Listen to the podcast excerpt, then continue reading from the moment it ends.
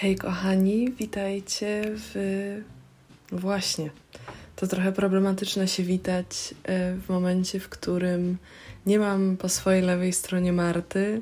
Na słuchawkach nie słyszę Karoliny i Uli, z którą nagrywamy e.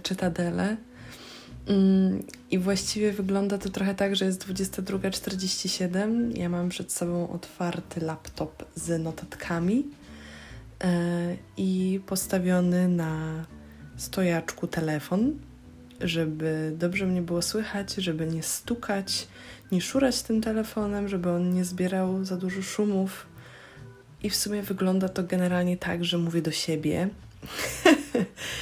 E, generalnie, jeżeli trafiliście tu przez przypadek, to ja nazywam się Anna i jestem współprowadzącą kanał Bestsellerki, na którym razem z moją przyjaciółką Martą E, rozmawiamy o książkach, o literaturze. Tam z reguły recenzujemy nowości. Staramy się być na bieżąco i też um, omawiać takie tytuły, żebyście Wy byli na bieżąco i żebyście wiedzieli, e, co jest warte przeczytania z, tych, e, z tej fali nowości, która zalewa rynek właściwie co chwilę. Natomiast tutaj będę ja tylko, więc rozsiądźcie się wygodnie albo załóżcie odpowiednie słuchawki, jeżeli jesteście na przykład gdzieś na dworzu, bo będę tutaj mówiła o książkach też, ale trochę inaczej. To znaczy, nie będą to recenzje, bo recenzje robimy na kanale, a nie mam zamiaru się powtarzać. Tutaj będą trochę inne rzeczy. E, a dzisiaj będziemy sobie mówić e, o testamentach Margaret Atwood. I Mam nadzieję, że cały ten wywód, który dzisiaj Wam sprzedam, doprowadzi ostatecznie do tego, e, że odpowiemy sobie na pytanie, które jest zawarte w tytule tego odcinka, czyli skąd się wziął Booker dla Margaret Atwood właśnie za testamenty. E, I oczywiście będzie to tylko i wyłącznie moja opinia na ten temat, bo nie siedzę w głowach um, osobom, które zasiadają w jury nagrody Bookera.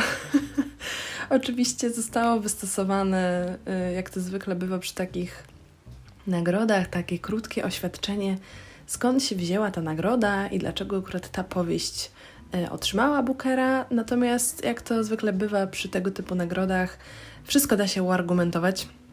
Natomiast w związku z testamentami fala takiego, no może nie zaniepokojenia, ale duża część y, czytelniczej nazwijmy to, no, czytelników, duża część czytelników była, była trochę oburzona, że testamenty otrzymały nagrodę Bookera, która przez wielu, w tym przeze mnie, jest uznawana za jedną z najważniejszych, jeżeli nie najważniejszą nagrodę literacką e, obecnie, współcześnie. E, no więc mam nadzieję, że pod koniec jakoś generalnie uda nam się dojść do jakichś wniosków. Dla osób, które już słuchały mojego live'a instagramowego jakieś hmm, trzy tygodnie temu bodaj, no to prawdopodobnie nie dowiedzą się wiele nowego. Ja dzisiaj raczej postaram się streścić mniej więcej to samo, co wtedy miałam do powiedzenia. Natomiast to jest materiał, który przygotowałam z myślą o osobach, które nie miały okazji tego live'a wtedy wysłuchać, a jednak były zainteresowane i nadal są zainteresowane tym tematem. Więc e, może już więcej nie przedłużajmy, ponieważ ten wstęp już ma prawie 4 minuty, tylko weźmy się e, do pracy. Natomiast, żeby mówić o testamentach w ogóle, e, no to muszę się odrobinę cofnąć, e, by opowiedzieć Wam z kolei o opowieści podręcznej, czyli powieści, bez której testamentów by nie było. Na wstępie powiem, że znam zarówno powieść, jak i serial e, z Elizabeth Moss w roli głównej, a zaznaczam to teraz, e, żeby dać Wam znać, że rzutuje to niejako na moją opinię o samych testamentach. Jeżeli będziecie słyszeć e, takie irytujące scrollowanie myszką, to ja Was bardzo przepraszam, ale sporo sobie tutaj notatek napisałam i chciałabym, żeby ten materiał jednak był na tyle wyczerpujący, na, tyle, na ile go przygotowałam. No i tak, słuchajcie, opowieść podręcznej Margaret Atwood to jest powieść wydana e, w roku 1985, więc e, doczekaliśmy się sequela ponad 30 lat później.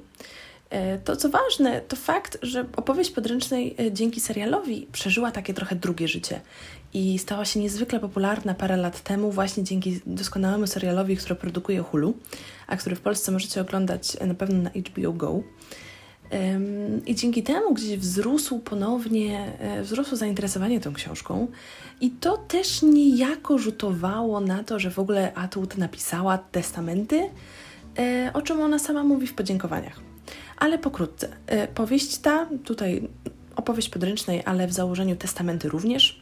Tylko na razie pozwól, pozwólcie, że na chwilę te testamenty odłożę i skupmy się na chwilkę na opowieści podręcznej jako takiej. E, powieść ta zaliczana jest do literatury dystopijnej, nie antyutopijnej, tak tylko zaznaczam, bo to jest różnica.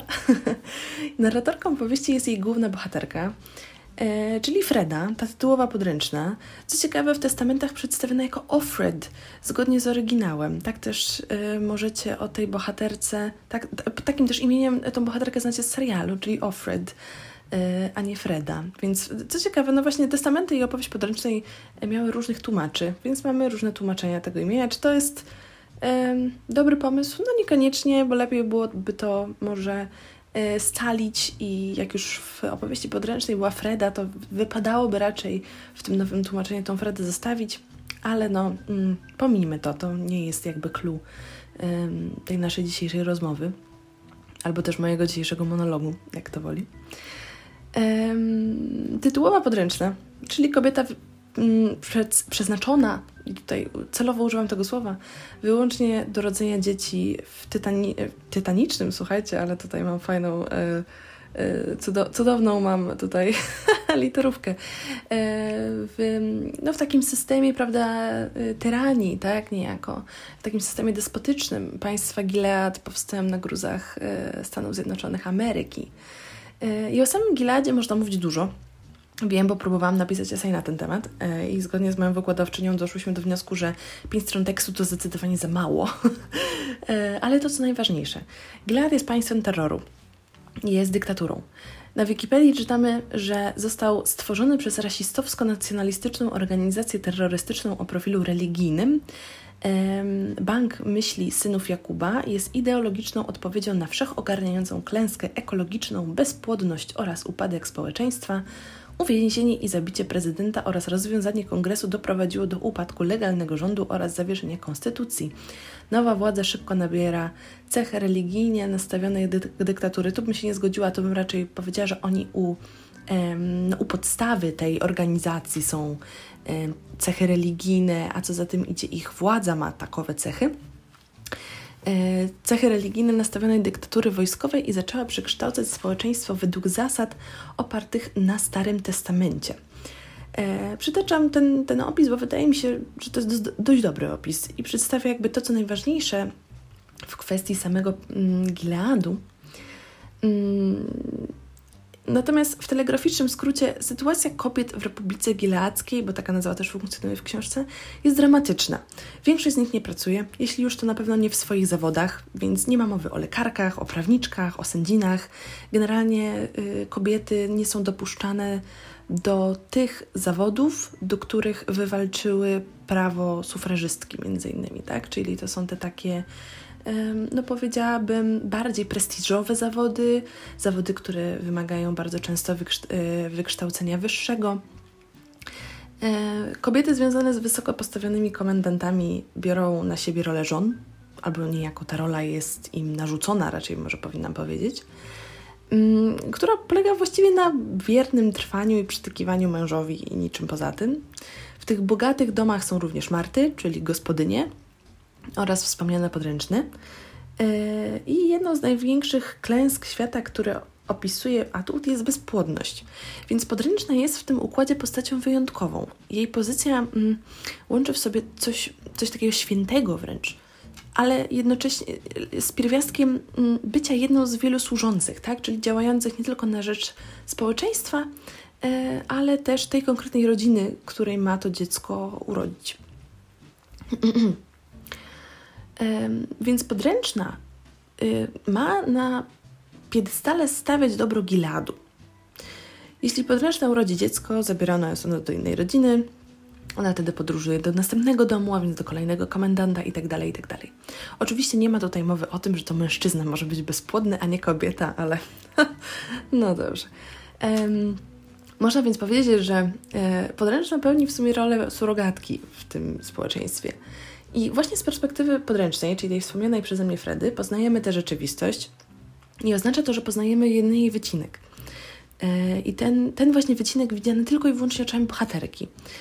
E, bo Freda pamięta jeszcze czasy sprzed Gileadu, pamięta jeszcze Stany Zjednoczone, e, wspomina swojego męża, swoje dziecko, swoją pracę, przyjaciółkę, swoją matkę i tym samym Adult subtelnie wprowadza tutaj wątek początku Gileadu, tego jak to się w ogóle stało, że obcujemy z państwem terroru. Natomiast to co ważne, to Freda była cywilem.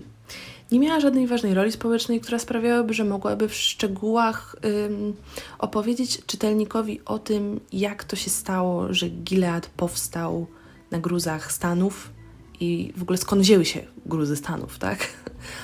Państwie terroru, czyli w tym przypadku w Gileadzie, przepływ informacji jest znacząco ograniczony. E, do ludzi docierają tylko te wiadomości, które władza chce im przekazać. Niezależne media w końcu nie istnieją.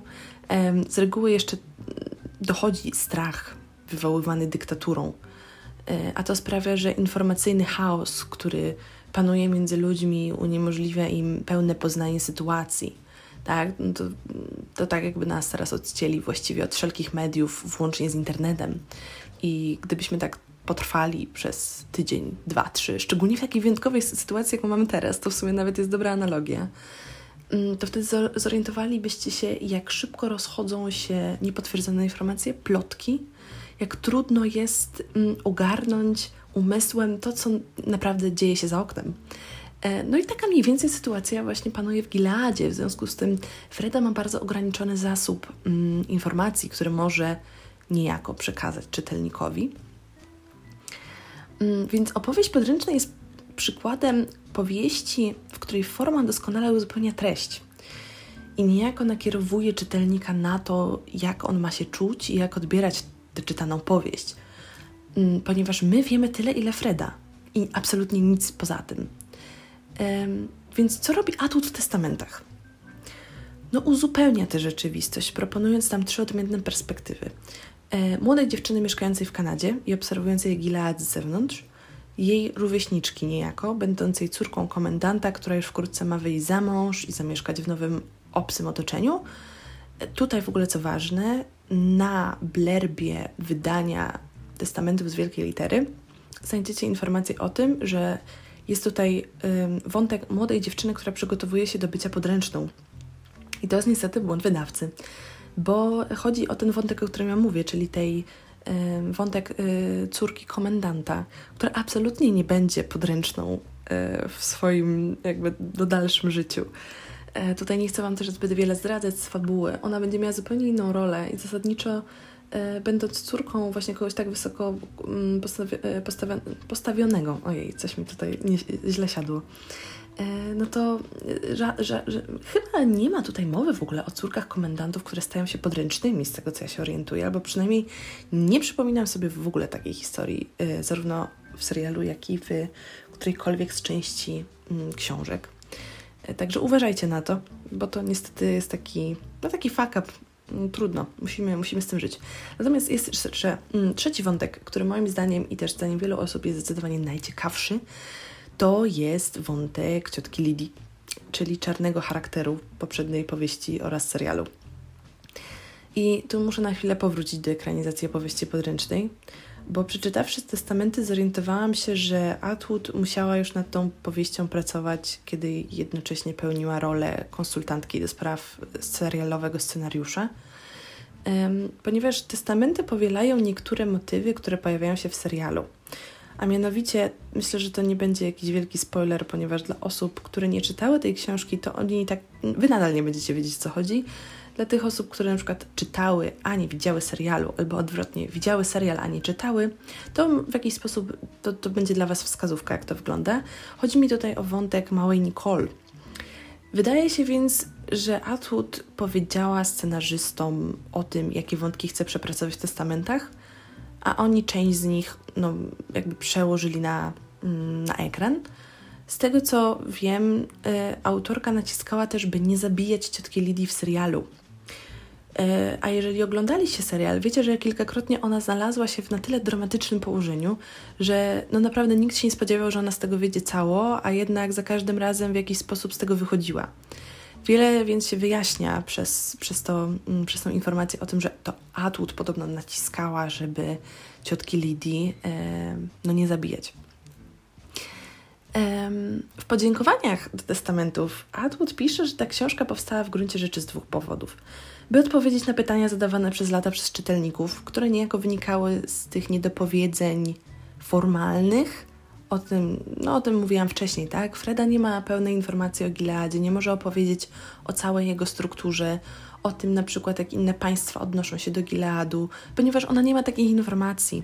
I tutaj y, z reguły y, przy okazji literatury fantazy, czy też literatury fantastycznej, może powinnam powiedzieć tak, bo jednak y, dystopia jest y, zaliczana no, raczej do literatury fantastycznej, bo ona niejako przetwarza, albo do, do science fiction. Wiecie, z tą dystopią to jest ciężko.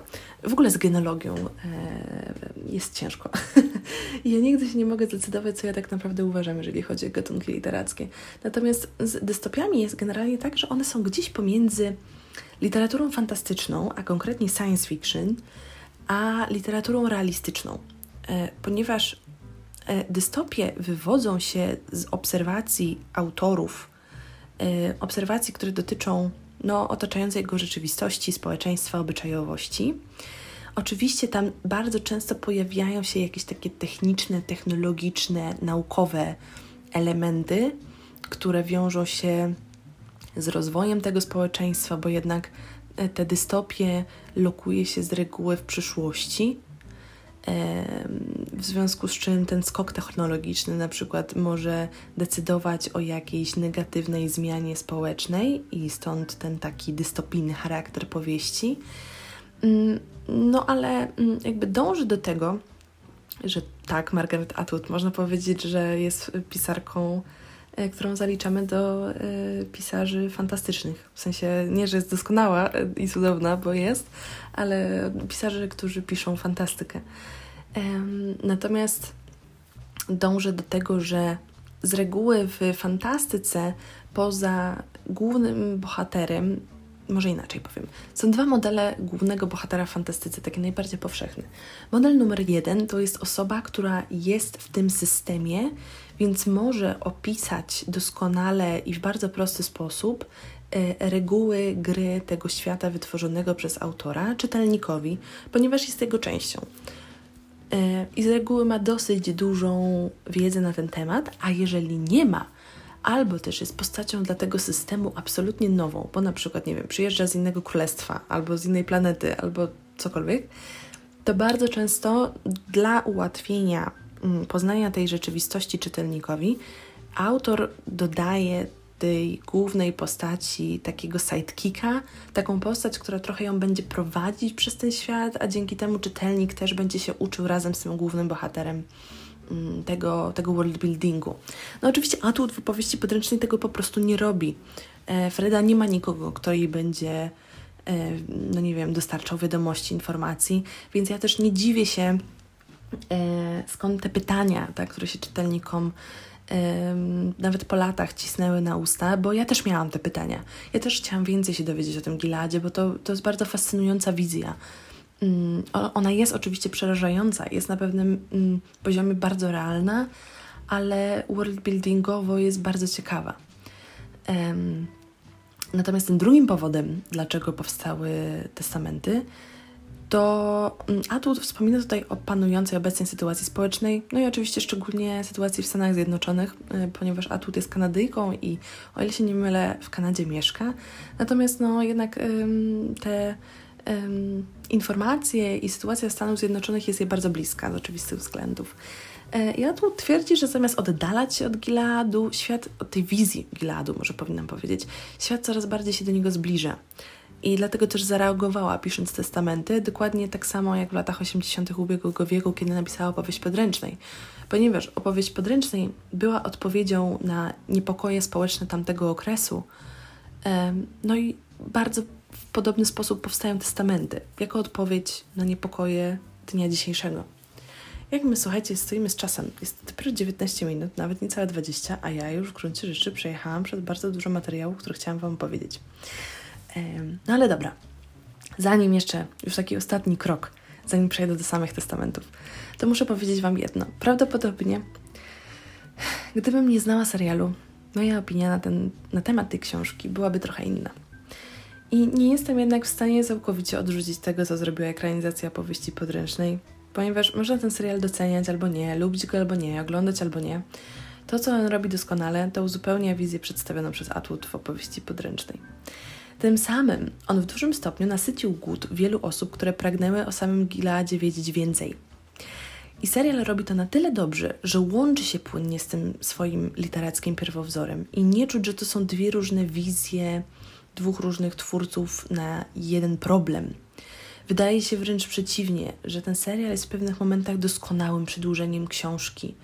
I szczerze mówiąc, gdybym nie wiedziała, że Atwood była tylko i wyłącznie konsultantką, a z tymi konsultantami to różnie bywa, bo autor będący konsultantem może mieć jednocześnie bardzo duży wpływ na scenariusz, jak i bardzo mały.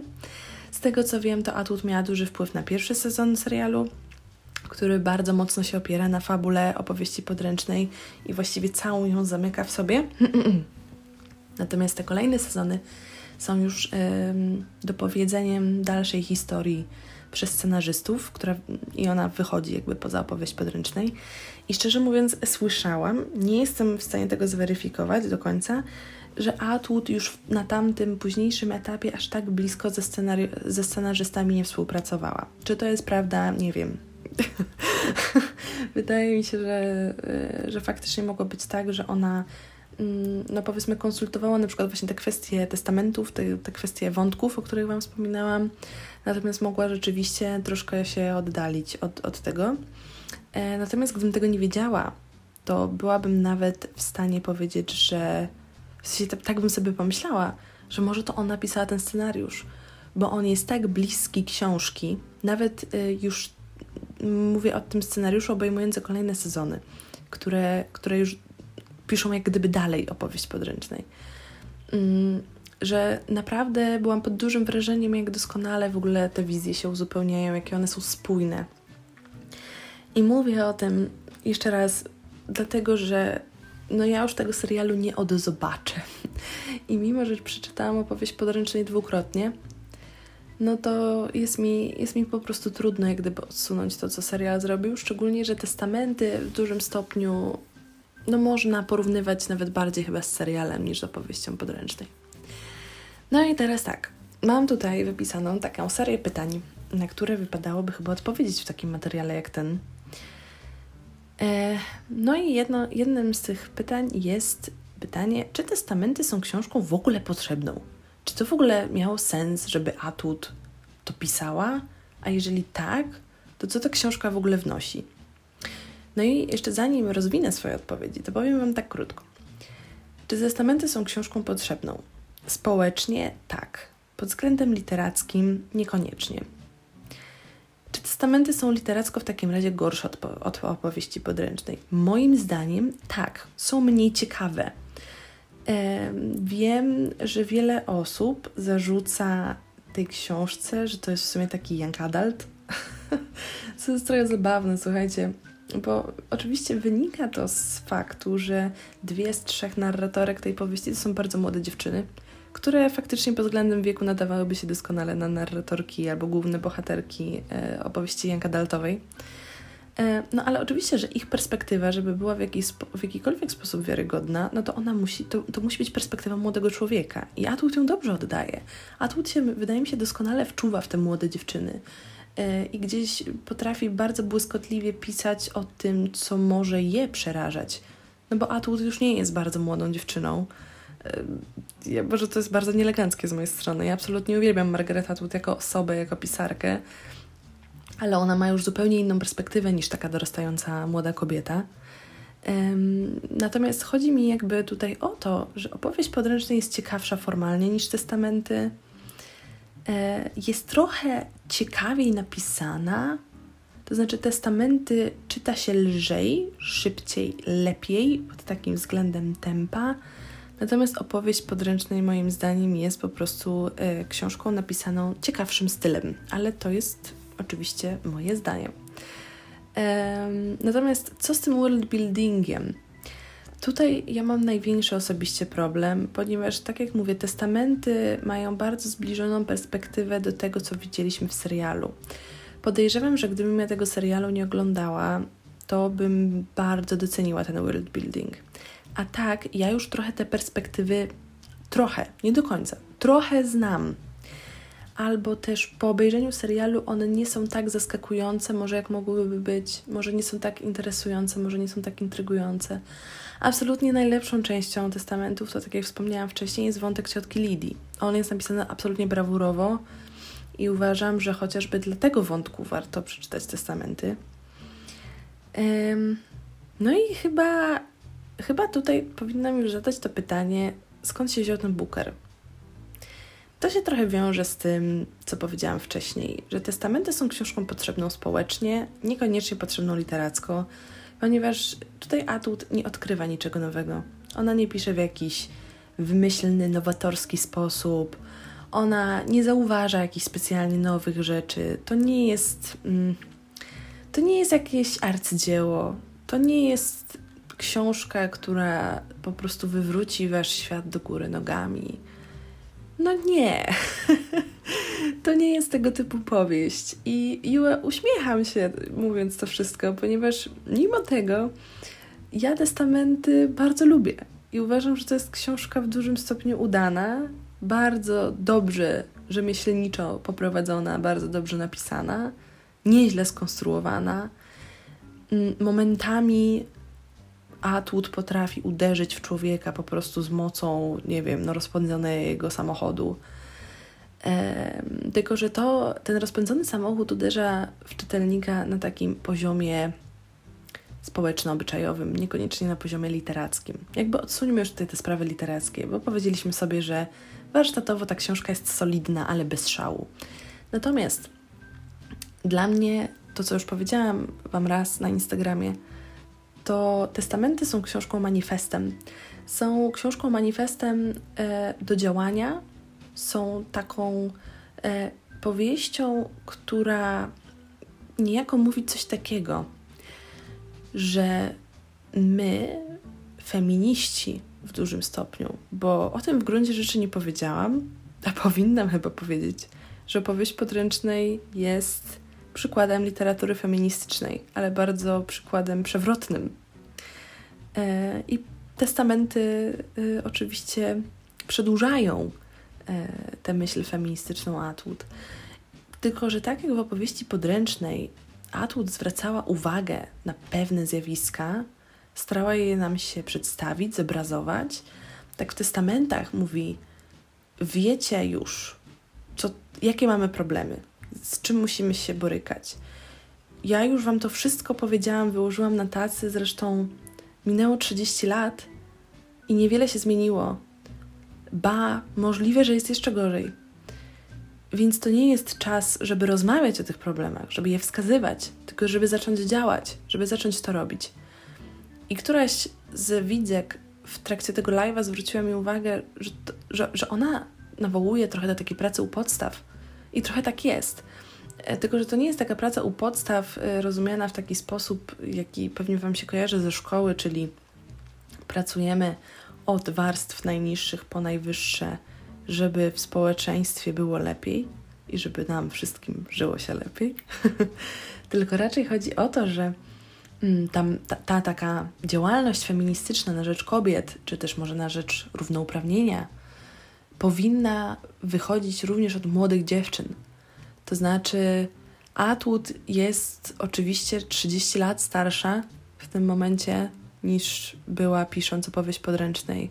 Ona już ma troszkę inną rolę yy, i ona trochę, trochę decydując się na wybór narracji przez dwie młode nar narratorki, niejako mówi do młodych dziewczyn, do takich dziewczyn jak, jak ja, do takich dziewczyn z lat urodzonych w latach 90., może trochę później, może trochę wcześniej, ale no generalnie z tego naszego pokolenia, nazwijmy to, że pora działać, pora, pora, pora robić, ponieważ minęło bardzo dużo czasu, a niewiele się zmieniło, tak jak powiedziałam wcześniej, że może jest jeszcze gorzej niż było te 30 lat temu, a nie chodzi o to, żeby się cofać, tylko żeby iść naprzód.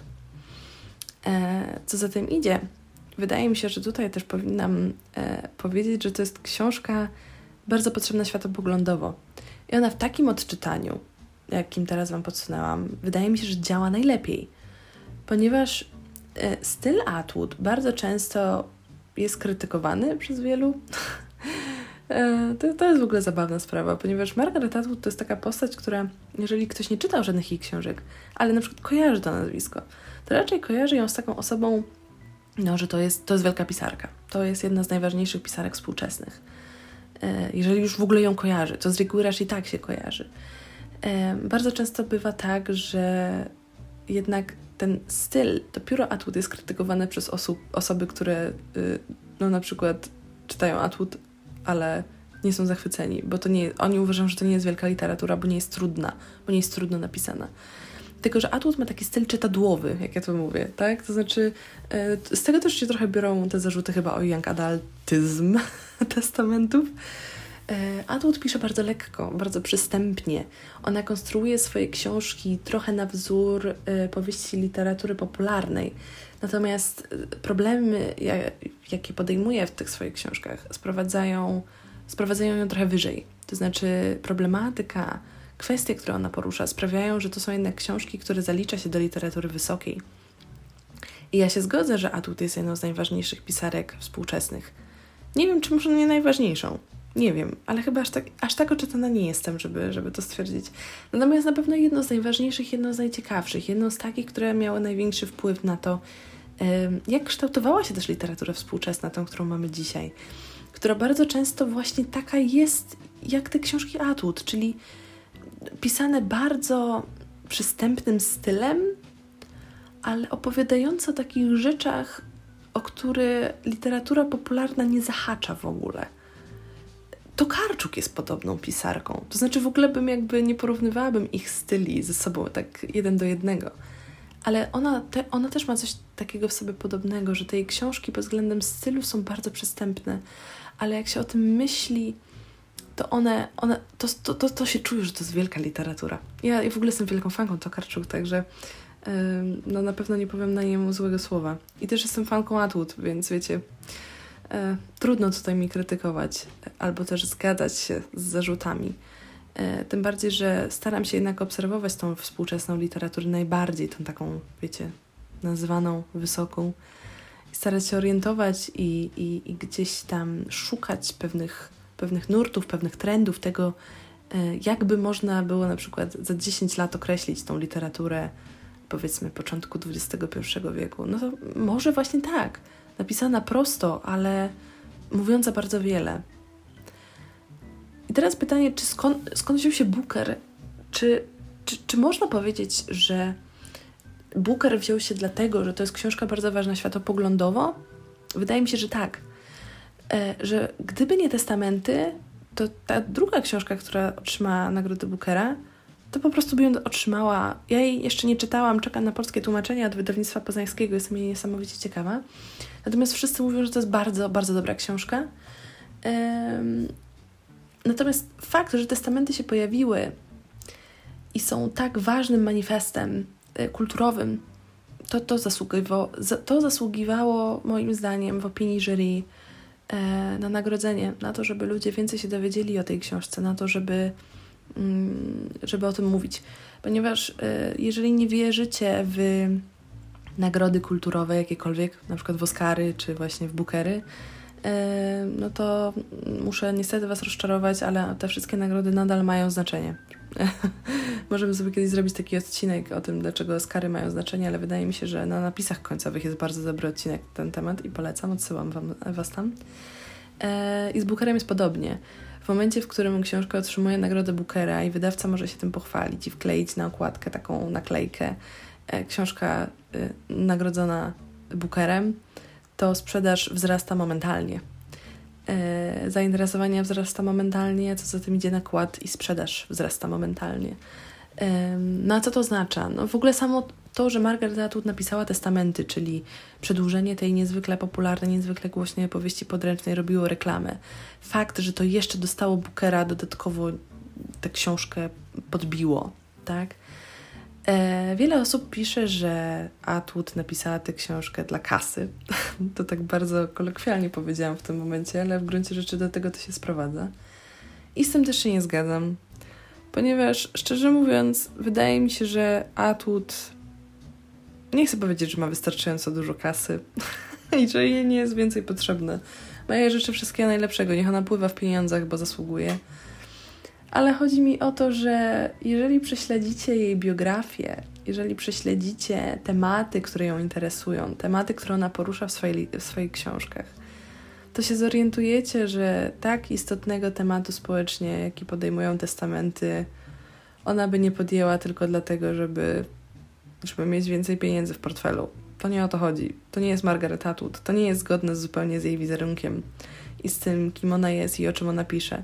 Bo jeżeli nie wierzycie nawet w pisarzy, którzy kreują swoje wizerunki w mediach, obojętnie czy to są media tradycyjne, czy media społecznościowe, internetowe, to prześledźcie to, o czym oni piszą i w jaki sposób się odnoszą do tego, o czym oni piszą. I w gruncie rzeczy wtedy poznacie ich najlepiej. I oczywiście wiele mi osób powie, że Y, pisarze w swoich utworach kreują rzeczywistość, kreują postacie, więc nie zawsze to są ci bohaterowie, to znaczy nie ci bohaterowie, tylko ci autorzy, ci konkretni. I oczywiście, natomiast jeżeli czytacie między wierszami, to będziecie wiedzieć. Mm, generalnie testamenty, tak jak powiedziałam, to mi się bardzo podobały, bo to się doskonale czytało. Momentami miałam łzy w oczach, momentami trochę brakowało mi tchu, bo Atwood ma to do siebie, że potrafi tak uderzyć z nienacka bardzo często. E, wątek ciotki Lidii mnie absolutnie wy, no, no, no w ogóle przewrócił. Nie? Dobrze, że ja leżałam w gruncie rzeczy, jak czytałam, albo siedziałam. Nie czytam na stojąco raczej. E, bo naprawdę robiło to na mnie duże wrażenie. E, pod względem warsztatowym miałabym pewne ale w stosunku do tej książki, bo szczególnie finał wydaje mi się zbyt, być zbyt pospieszny. Natomiast też nie chcę się za bardzo rozwodzić na temat tego, co w tej książce było dobre, a co niedobre pod względem literackim, bo powtórzę po raz trzeci i ostatni, ta książka nie jest doskonała pod tym względem. Opowieść podręcznej niestety, w mojej opinii oczywiście, bije ją na głowę literacko, warsztatowo. Natomiast nie zmienia to faktu, że testamenty są książką bardzo solidną, bardzo rzetelnie napisaną, z nie do końca udanym finałem, ale na pewno taką książką, która będzie zapamiętana ze względu na to, o czym mówi, niekoniecznie w jaki sposób mówi. I chyba na tym skończę. Jak my z czasem stoimy, moi drodzy, aż mi się telefon nie chce teraz e, odblokować. No 40 minut mamy niecałe na dyktafonie. Tak mi się właśnie wydawało, że mniej więcej w takim czasie będziemy się zamykać. Podejrzewam, że kolejne odcinki, jeżeli będę nagrywać, to będą też trwały około 40 minut. Chyba, że Wam wywalę z następnym tematem, który mam przygotowany i tam mogę mówić bardzo, bardzo długo, ale postaram się mówić też właśnie około 40 minut. Wydaje mi się, że to będzie taka optymalna długość um, odcinków um, tego typu. Ja Wam bardzo dziękuję za to, że wysłuchaliście tego materiału do końca. Mam nadzieję, że Wam się podobało. Jeżeli tak, to oczywiście dajcie znać na grupie Diamentowe Alpaki, bo tam też udostępniam kolejne odcinki. Mówię to w gruncie rzeczy do tych osób, które jakimś cudem znalazły ten baby podcast na Spotify jakoś tak zupełnie przypadkowo. Nie wiem, może wpisaliście testamenty i Wam wyskoczyło albo coś w tym rodzaju, nie wiem. E, natomiast zapraszamy na grupę, zapraszam też na kanał. E, a te wszystkie osoby, które już znają kanał, znają grupę i w ogóle nie mają ochoty tego słuchać, bo już wszędzie tam są i zasadniczo nic ich to nie obchodzi, to ja Wam bardzo dziękuję przede wszystkim za to, że e, tak entuzjastycznie podeszliście do tego pomysłu, ponieważ e, ja bardzo lubię opowiadać. I tak jak pisałam w poście, zorientowałam się w gruncie rzeczy w ubiegłym roku chyba, albo w ogóle w ciągu teraz, nie wiem, tych studiów literaturoznawczych, że ja bardzo lubię opowiadać o takich rzeczach. Natomiast nie zawsze y, ludzie chcą mnie słuchać, bo też nie zawsze są tym zainteresowani. Więc wydaje mi się, że taka forma, w których możecie sobie wybrać, który temat Was interesuje, albo czy to w ogóle Was interesuje, e, to moje gadanie, y, no to, to, to jest chyba odpowiednia forma. Także raz jeszcze bardzo Wam dziękuję. Trzymajcie się moi drodzy i do następnego razu. Pa pa!